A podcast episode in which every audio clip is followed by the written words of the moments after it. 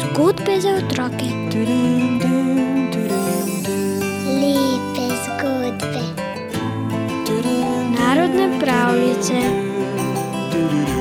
Bere nam jih Juri Sešar. Avstrijska pravljica Žena Raca. Živela je revna žena, ki je imela samo sina edinca. Nekega dne je fant odšel v gost. Ko je hodil in hodil, je prišel do ribnika, ki ga ni prej še nikoli videl. Brž, ko se je približal bregu, so tri krasne mladenke skočile iz vode, nataknile so si ptičje srajce in gagajoč odletele. Spremenjene v race. Srednja od tistih treh je bila fantu posebno všeč. Toda kaj mu je to pomagalo? Ptice so mu kmalo izginile izpred oči. Sploh ni vedel, kaj naj stori. Zatorej je odšel domov in povedal materi, kaj je doživel. Ja, pojdi še enkrat v gost, je dejala ženska in si ob ribniku postavi kočo. Fant si je vzel obilo popotnice in se odpravil v gost.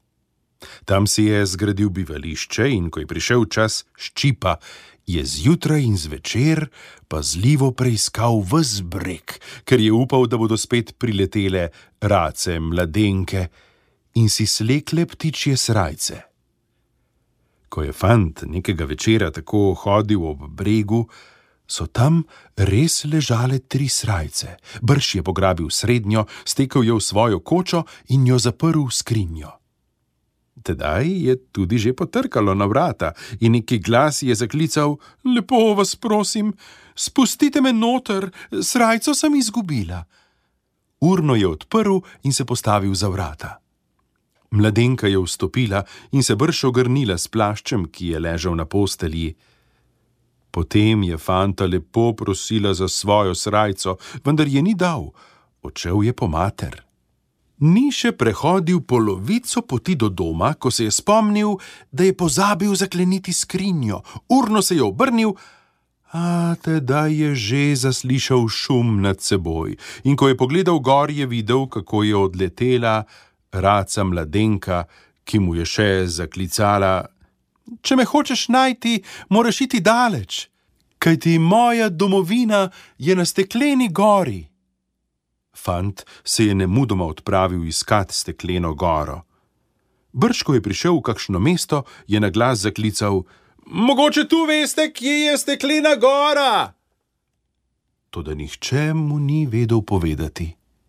Dolgo, dolgo je že hodil, ko je prispel do velike hiše.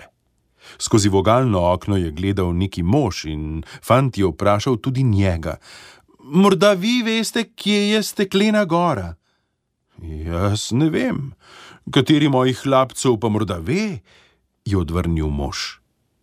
Vzel je srebrno piščalko in glasno zapiskal. Kmalo so prišli medvedje in volkovi, za njimi pa še veliko drugih živali. Toda nobena fantu ni mogla povedati, kje je steklena gora. Na zadnje je na treh nogah prišepal star zajec.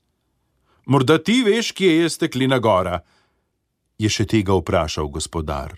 Seveda jo poznam, je odvrnil zajec. Pa tega fanta odpelji tja, je dejal gospodar. Zajec je previdno šepal pred fantom in tako sta hodila in hodila, dokler nista prišla v velik gost. Tu je zajec rekel: No, zdaj hodi pa samo še naravnost in boš našel goro. S temi besedami je odšepal.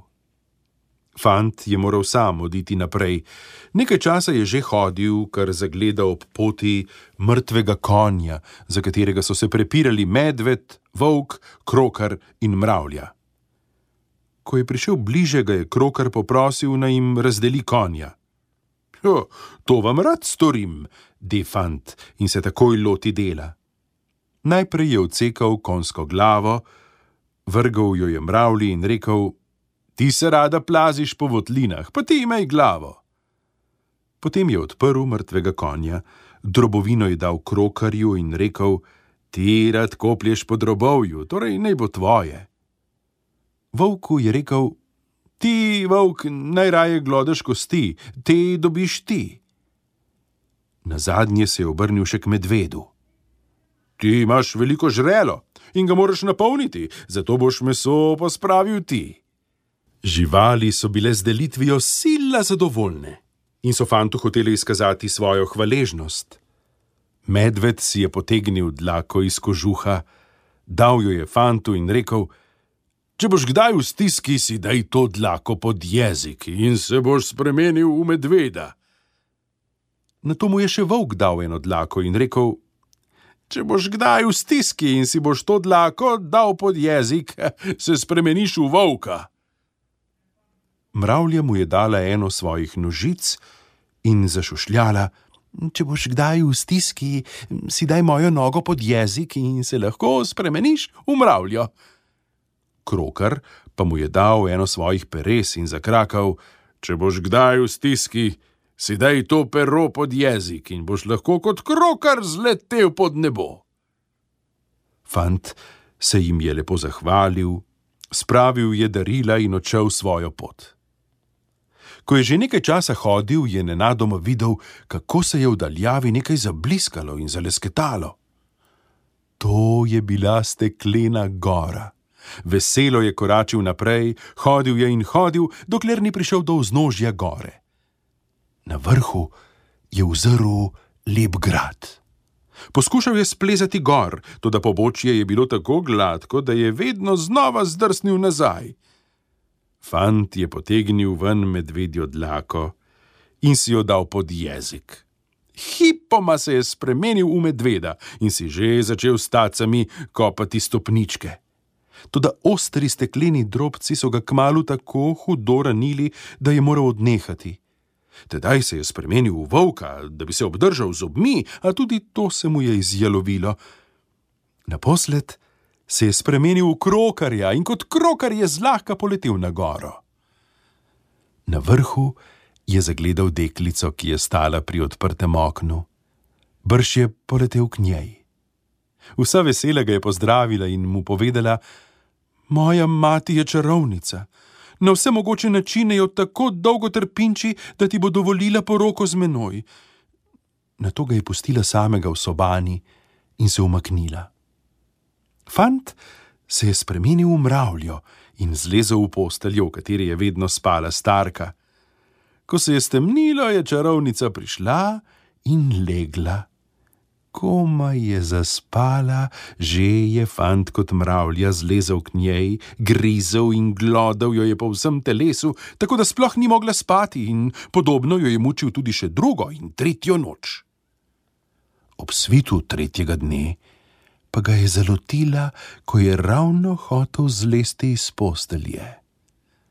Dobro vem, da nisi navadna mravlja, je rekla čarovnica in ga znova prečarala v človeka. Kaj iščeš tot?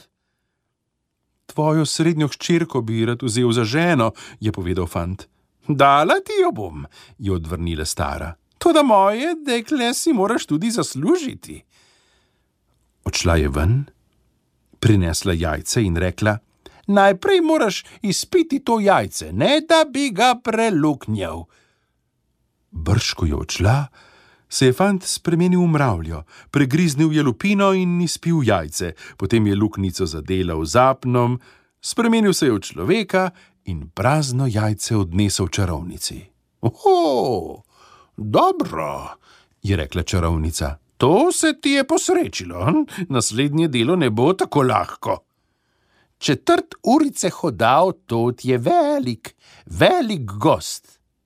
V treh dneh moraš podreti vsa drevesa, debla moraš razsekati v polena, poravnati jih moraš in vse naložiti v skladanice. Ko je fant to slišal, je vse v skrbeh odšel ven, da si ogleda tisti gost. Oh. Že od samega gledanja se je tako utrudil, da je legel in zaspal.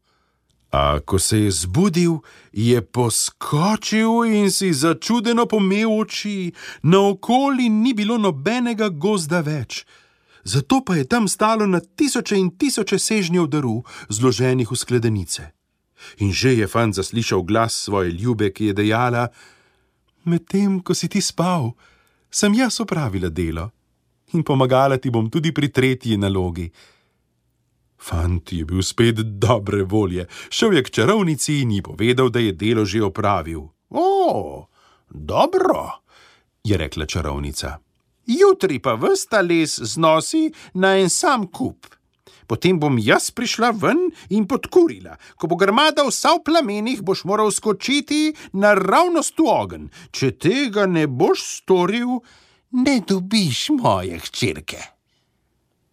Ko je fant to slišal, je bil spet v spobit.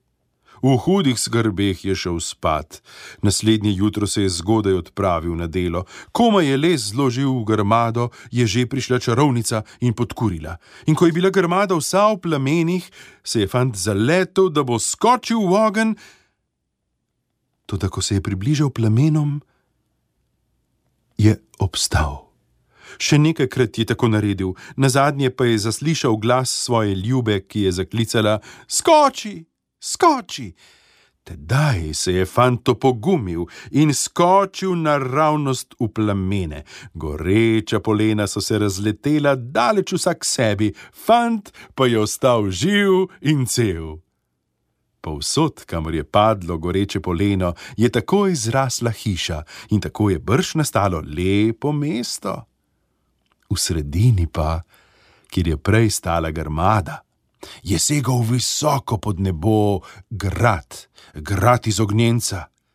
Pred vhodom je stala nevesta in fantu zaželela dobrodošlico.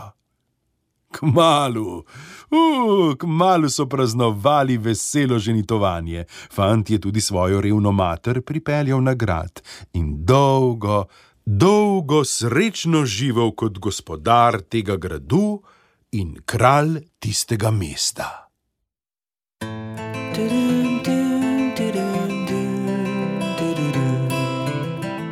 Zgodbe za otroke.